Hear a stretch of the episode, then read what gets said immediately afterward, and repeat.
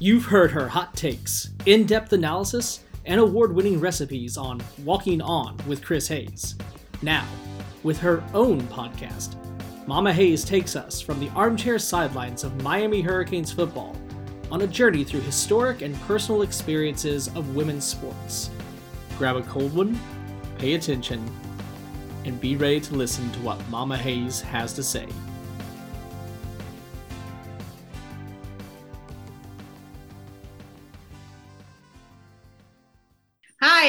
Sports fans. It's Mama Hayes welcoming you to another podcast about Title IX, sports fans and women's, particularly women's sports fans. I want to start out by making a comment about the NCAA tournament and the lack, the total lack of awareness that the NCAA had. And it's not like Title IX just happened yesterday. It's 50 years. How could they not have anticipated? Plus, social media. I mean, every. This is like my your rants Chris's rants about the uh, special teams for the University of Miami football team.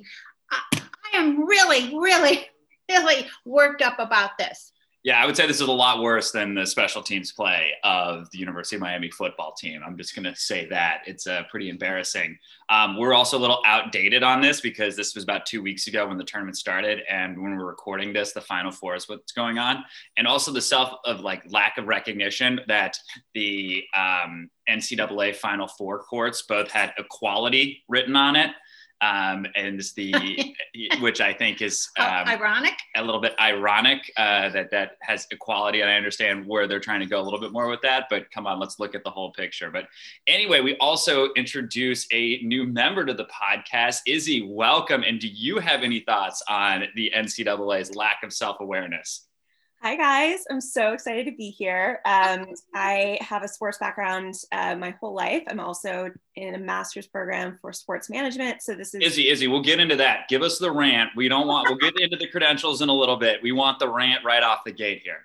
I was livid the entire day. This all was breaking. It was the worst. Like, just blew my mind that we're in 2021 and we're still dealing with all of this just non just complete nonsense that this is still even a topic that we have to discuss. And it's incredibly frustrating and completely um, just ridiculous that the ncaa is is ignoring all of these major issues. I have to wonder what the actual women how emotionally no that's not the right word how worked up they were about it. I mean if we're worked up and we're ranting think about how they're feeling yeah, I mean that's what really happened was the I got to get this right was the Oregon basketball player was the one that posted the information of the difference between the two facilities and the weight rooms. Um, again, it's probably just one of those where it's just unfortunately a lot of men running. Oh, like the women don't need to work out and things like that, um, which is obviously not the case. And just the importance of making sure that your other athletes that is a big money maker. I don't want to keep hearing that it's not. It's a big money maker for them as well especially with the with one of the um, best new stars and Paige Bueckers in uh, UConn, like you have star recognition. It's a moneymaker. You need to support those athletes in the same way. 100%. And it's this, the power of social media was how this entire thing blew up. Sedona posted her TikTok and it just kind of rolled on from there. And other players on the women's side posted the meals that they were served compared to the men's meals, the swag they were given compared to the men's swag, just the the one point that people kept bringing up was the puzzle that the women's side got from the men's side, how the the number of pieces was completely imbalanced, and it's just every single little thing just seems to, seems to be completely ignored from the NCAA.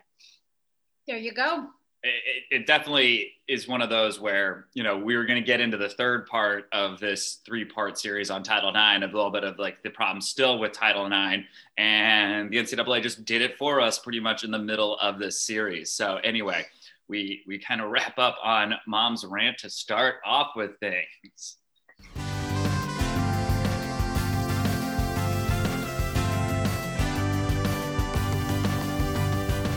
All right. So, Izzy, tell us about yourself.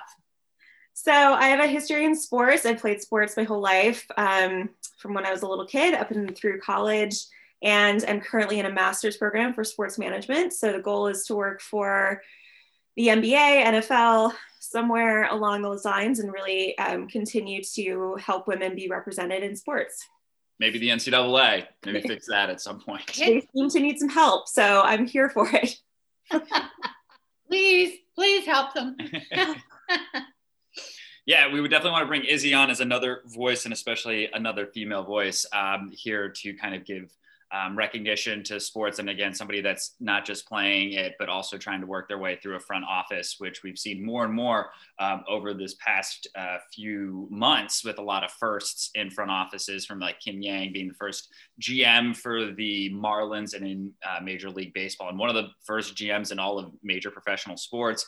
Uh, Becky Hammon, who became the first NBA first acting head coach on an NBA sideline when Gregg Popovich got thrown out for one game because of course he did because if it's not it's not a Tuesday until Gregg Popovich gets thrown out of an NBA game. But it, it just we've seen a lot of great things so it's great to get another voice in here but we're gonna kind of dive back in. I know we did a lot here on NCAA and current events, but kind of dive into actually the NCAA helping grow women's sports back in the 80s and 90s because of Title IX and the growth then that it led into kind of professional sports. So, Mom, you've done a lot of research with it. You've kind of lived it. Well, not kind of. You did live it. You saw the growth of it. You've seen to where it is now. I'll let you kind of kick us off here and talking about it you know, yes, it happened in the 70s. And yes, in the 70s, there were schools that were starting to add to the programs.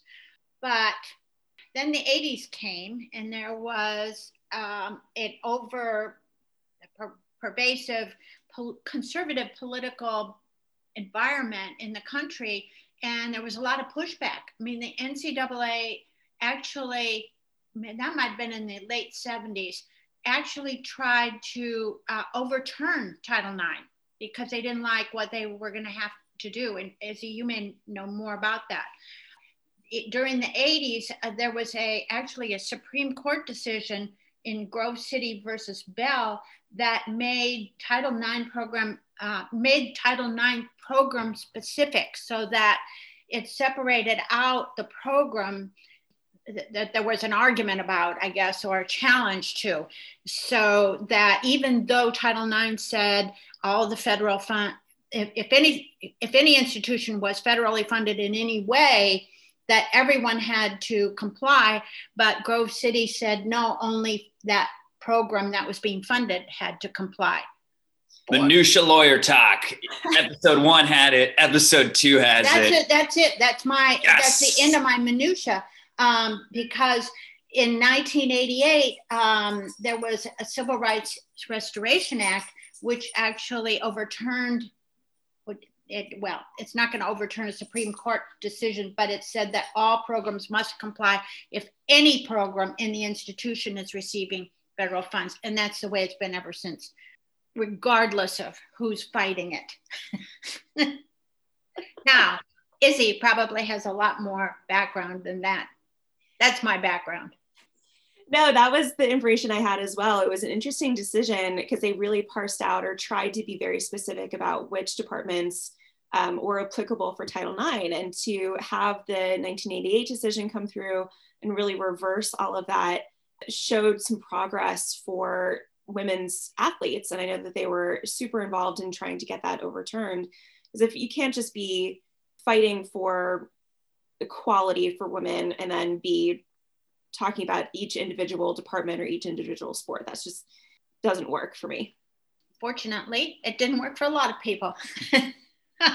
so we, we see this um, in, in 1988, excuse me, and then we see the growth of women's college sports a little bit more and all that. Mom, what did you learn from that, and what did you see? I mean, last time you talked about how you know University of Michigan grew you know went from zero women's sports you know when title ix was passed to i think like five or six by the year five of it so where else did you see growth well um, there's a lot of statistics i was reading a report that was done at the 25 year anniversary of title ix and there's a lot of statistics about how high school female athletics in high schools and female athletics in colleges expanded. I mean, they more than doubled over the 25 years.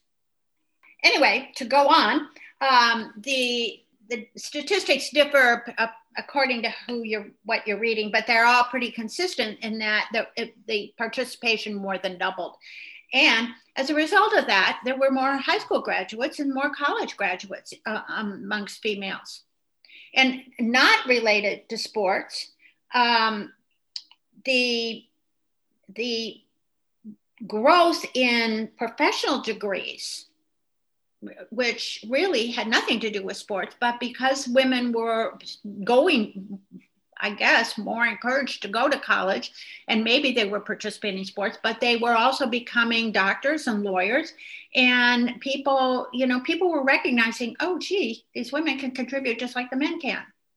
And uh, honestly, from my own personal experience, back, I'm trying to think, in the late 60s, when I was decided to go to graduate school and I looked at law school, which would have been a disaster for me because those are not my skills.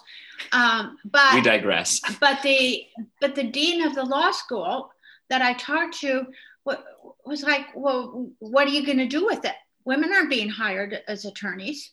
It, you know, so instead I went to business school where there were maybe six women and um, and and one of the, my accounting classes i went i went into it. There i was the only female and the first thing that the professor said when he walked in was he looked at me and said are you in the right class?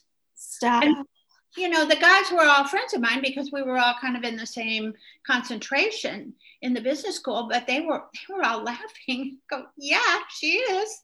They were pretty supportive of me. Not the not the generation above me. I think it's interesting to kind of go and talk about what you pointed out, mom, of how a lot more opportunities became around. And I think that goes into it of, yeah, we can get into what um, college sports has turned into at a later date of just like the business of it and equal pay, but uh, scholarships open up. Other opportunities to get into schools are now um, coming out, and other people see a way of okay, now I can actually I can use my athletic ability a lot of the way the same way that the males were doing it to get in recognize okay maybe you know the star athletes and the ones that are looking for professional dreams um, at the top blue blood programs uh, basketball on the mind just because wrapped up in the ncaa tournament but all of a sudden you know you, you have the men's you know players that are going to the dukes the kentuckys at the time to to go play professionally you know but that doesn't you know you don't forget that the harvards now have women's sports programs you know the the Ivies, the other, you know, West Coast, like Stanford, things like that, all of a sudden are opening up bigger programs and giving opportunities for not only to go play a sport, but to get an education, um, which is, you know, again, what kind of the NCAA was originally founded on with trying to do that. The reason why women get into sports is for like the mental health aspects, the physical health. They want to be involved with group activities, meet people, which is very different from the, a lot of reasons why men get into it, which is namely competitiveness. Um, they want to win something, they want to have achievements. And so the skills that women learn on the field or on the court or you know playing X sport, those skills translate very well into life skills. So if you're learning team organization and you're learning communication and emotional empathy with your teammates, those things go so far in terms of le- leading a business, being a lawyer, which I think is ridiculous that somebody has told you that what are you going to do with being a lawyer? You're going to be a badass and you're going to like rule the world. So for women to be given those opportunities, it just helps so far down the line for economic stability, for starting families, for supporting themselves, for being independent and to be given that safe place, which, yes, hypothetically, the NCAA is supposed to be that place, they've gotten very far into the weeds in terms of the monetary value for men's sports versus women. Um, but they're they're currently not supporting women in the way that they really could be and should be. Are the programs a little bit of what I've read is that they really are um, still skewing the programs more to men in you know the university particularly the division one schools yeah they're I, finding ways they're finding ways to shortchange the women's sports still today but I mean, I'm talking about, I don't mean the facilities, I'm talking about the opportunities, the fact that they really aren't providing an equal opportunity to be to play sports. That's that's more what I'm talking about, not the facilities.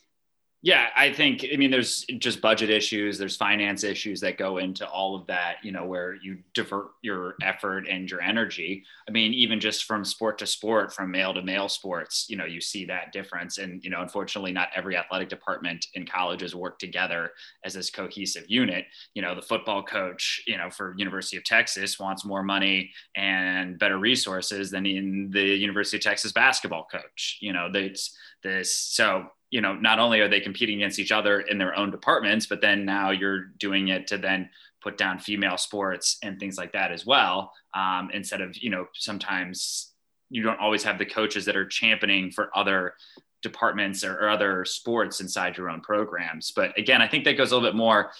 I mean, I want to steer us back a little bit back into like the late 80s, early 90s talk of this. Um, you know, I think, and so I think that applies especially back then, is because there's kind of um, this this big pushback of okay, and what we see now too a lot with the racial tensions of just like they're not people aren't fighting for we want your positions we just want the same opportunity to go and be have equals. I think that's what you kind of saw was again the pushback of and what you talked about in these court cases of oh my gosh they're going to take away all our resources they're going to take away college football they're going to take away college basketball and we're never going to have the same thing that we know and love where it turns out no they just want to have it on the same level and it turns out both can coexist as we've learned um, and so i think that was a lot of the struggle.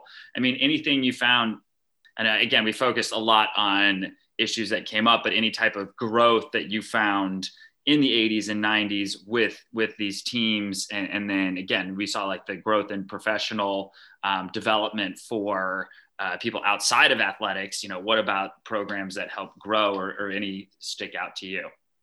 Either of you. I'll go to Izzy on that one if she knows.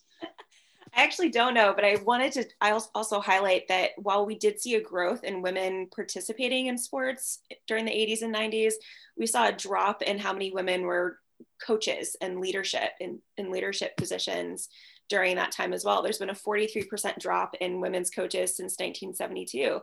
And I think it'd be an interesting conversation to look into why is there such an emphasis on getting women to play sports in high school and college and professional and on but there isn't as much an emphasis or drive to really get women to follow the becky hammon path of getting them into leadership positions. And why is that? Why aren't we helping these women and girls to look at not only their goals of being an athlete but like what happens after you're you stop being an athlete? Like your athletic career isn't going to live forever. You have a finite amount of time to be a professional athlete if that's what you want to be. So, what are your goals after that? And I think that would be something we can definitely talk about for like the current issues of the NCAA now. Um, but women should have more of an opportunity to be a leader. I ran into the same information. Yes. Why is this happening? Why isn't this happening? I concur. We're on the same page. It's great.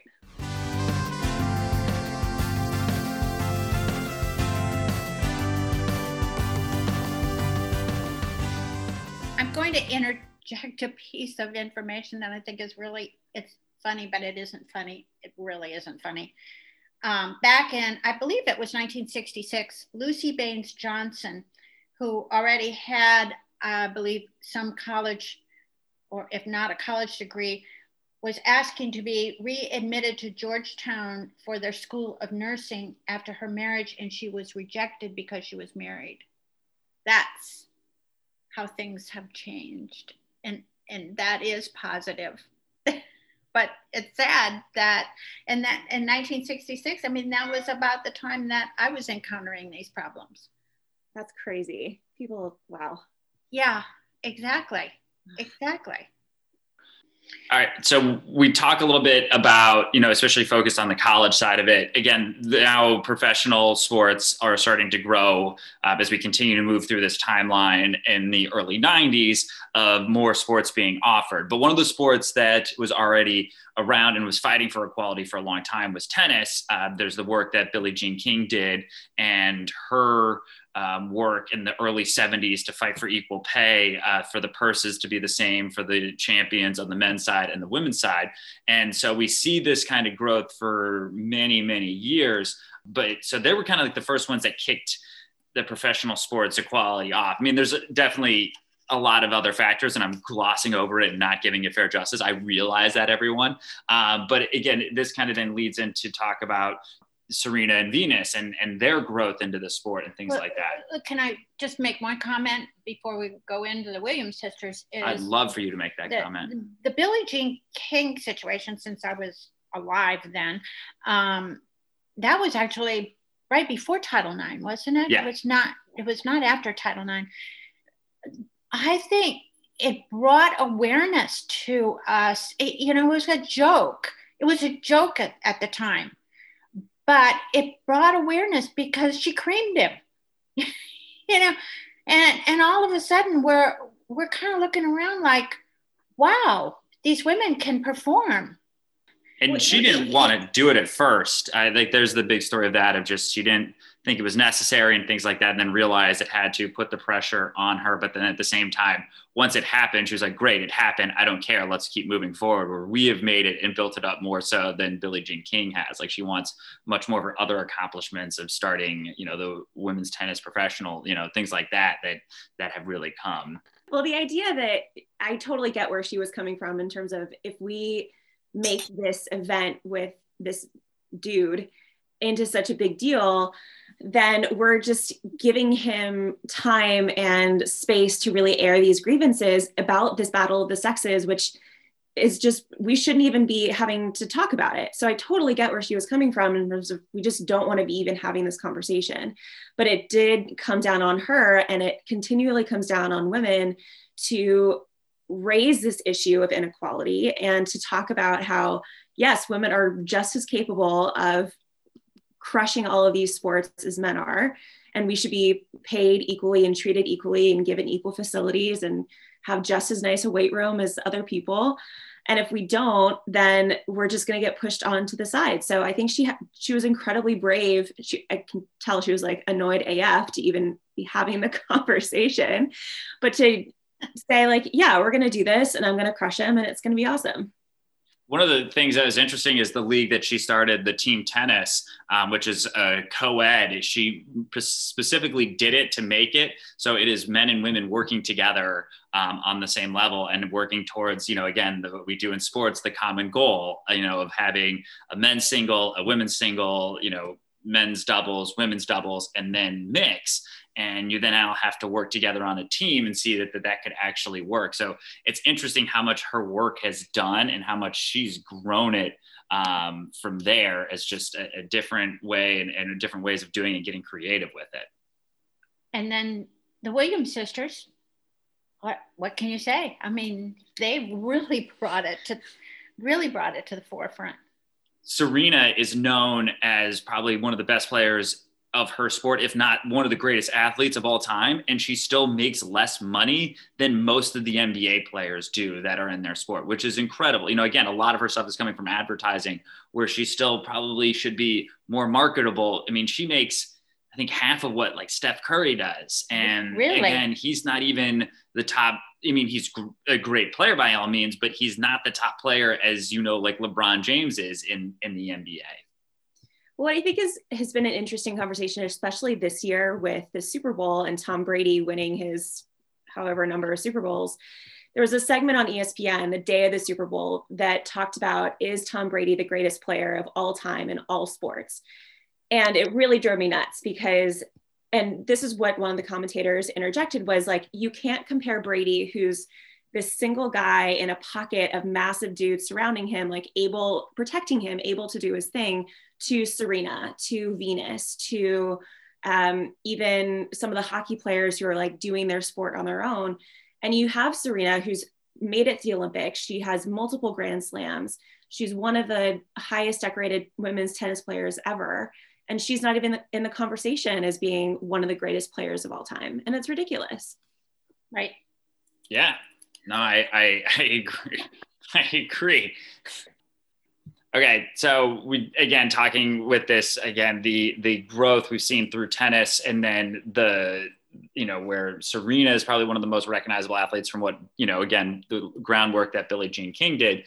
We tie this back into Title IX because tennis didn't have as much to, to do with Title IX uh, because of the work done by you know these pioneers. So we got to talk a little bit more of what Title IX did to help other women's professional sports coming out of the growth in the 80s and early 90s. You know things like you know the growth of soccer in women's sports and how that has really led to the U.S. women's national team, and then other things like basketball leading to the WNBA. You know what has you know Izzy, you you have some knowledge on this of like kind of the growth of professional sports um, from this and, and things that impacted. Again, it's not like it went was you know one day and the next day it was there, but kind of anything growth from that. Yeah, and one of the things that, like, to bring it back to Title IX that happened in the 90s, in 1992, monetary damages were available under Title IX rather than just injunctory damages. So these these um, if women were going to bring a lawsuit against a school for not abiding by Title IX, they were allowed to get monetary damages from that lawsuit, which I think helped women just really see that there's it's not just pointless into bringing this up as an issue to really be able to say yeah i this is a problem. You're not abiding by these rules. Like i want to be able to have equal representation in sports and then kind of be able to go from there. And in the 90s like i remember growing up and watching the women's us national team play soccer with mia hamm and brandi chastain and that was huge for me to see these women um, represented on the big screen. Like i was able to go to a game in dc and watch them play live and to see that representation and see their that growth then to what it is now is just such a huge thing. Like mama hayes what did you think of the women's national team in the 90s what was that like for you? I, I didn't pay a whole lot of attention to it. Uh, you know it wasn't until a year or so ago i mean first of all i other than the i'm one of those of the generation that other than the olympics i wasn't watching women's sports. But and I hate to use this is such an overused expression today uh, because of because of Kamala Harris now and other things that have happened for women, not just in sports. But it wasn't until I went to the women's national soccer team game a year ago that I'm i st- I'm sitting there and I'm seeing women that look like me and that's my my apologies for using that overused expression right now but they look like me. They look like i did 50 years ago or you know 40 years ago. And i, I just it really rang a bell for me. It, it pushed a button. It pushed a button that had never been pushed even with all the things that had happened over my lifetime. Just made me so much more aware of what i've missed out on I don't think you're alone, mom, in that because if you look at again the history of it, it was you know that 1998 World Cup, 99 World Cup, excuse me, that you know really started growing women's soccer where it became recognizable um, you know the big moment against china in the final and winning in pks and, and, again that was laid down from the groundwork of you know the 80s of the growth of the sport into then having some of the best players in the world being developed because they won four or eight years before that in the first world cup um, for uh, the U.S. for a women's World Cup, um, and then you know, but again, you also weren't the only one. You know, the WNBA, which is probably the most recognizable female uh, professional league, it only came around in 1997 so there wasn't the same opportunities but again it's a lot of groundwork it's interesting to watch this growth because it's you know it's i've always thought it would be interesting to if you could go back in time a little bit as a sports nerd and, and watch and how the nfl was such a mess before it got going. How MLB took forever to get going. It took it, it, wasn't like any of these sports all of a sudden were just these powerhouses that they were. It takes time. Um, even you know when you have you know the support that you know again the NFL does not have the same you know oppressors that the women's sports have had for so many years or the MLB or the NBA and so it's so much of this oh you can't do it you can't do it you can't do it here um, where it's starting to prove that it can and again it started a lot more because you know you had success you saw you know athletes female athletes having success in college and then it's like oh there's actually something to be here. Then the you know women's national team has the success that they do and then it's okay there's something behind this and, and it continues to grow. And I, and I don't think a lot of these leagues um, are around if title ix doesn't happen again. It's not because title ix made these leagues happen because they don't have the same laws where they have to, you know, the NBA, while it owns the WNBA, does not have to put the same resources into both leagues that it does because they're a private business but because it had to be done at a different level. And then, like you guys talked about in 1988, where it grew uh, or it was defended, and then it was able to grow some more. And then 1992, where you know if there were issues, you could report issues. Izzy, as you were talking about, and you know women were protected for that. You know, helps this growth on it. So, I, I again, it's it's pretty great. Also, on that on that note, with there are kind of a couple arguments with why the women's teams have been growing and some arguments of why they shouldn't even be growing. Uh, like in 1996, uh, an argument was disproven by the Supreme Court that said women aren't being, their sports aren't being funded because they just don't want to be participating in sports, which is not true. Um, and was disproven by the Supreme Court. But there's that argument. There's the argument that they're not as financially uh, successful as men's sports, which is also not true. So this development of um, women's sports since the 70s, 80s, and 90s, they've been fighting against these arguments that they're not as popular, that they're not going to be as successful, and that women aren't just as interested in them. And I think thankfully the success of the WNBA, the success of the women's national team, the success of these individual female athletes like Venus and Serena and like Maria Sharapova and all of those people have really disproven those arguments. And I think it's amazing. Agreed. I agree too. And let me just make one comment you about asking about how I felt when the women's national team was doing so well early on in the 90s. I think the, my only awareness was that Chris's dad was enchanted with Mia Hamm. and, and understandably. So he was what, you know, so he was paying attention to it and I'm kind of like, eh, I mean, you know, I just wasn't, I wasn't tuned in. I just wasn't tuned in. Great. Well, come on.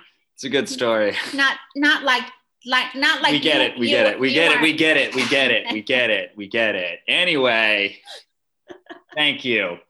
You know, we you know covered again we we started first episode of talking about you know how it, the title ix really got going the growth of it minutia talk we did some minutia talk today and then the growth of it and then getting into uh, you know again where we focus on what title ix looks like now which we've covered a little bit at the beginning but where it goes from there after this so mom as usual though we still got to get out of here so you got to get us out of here oh i have to get you out of here okay well tune us in tune us in for the next podcast where we talk about the successes because there's so many successes that have in women's sports that have occurred because of Title IX.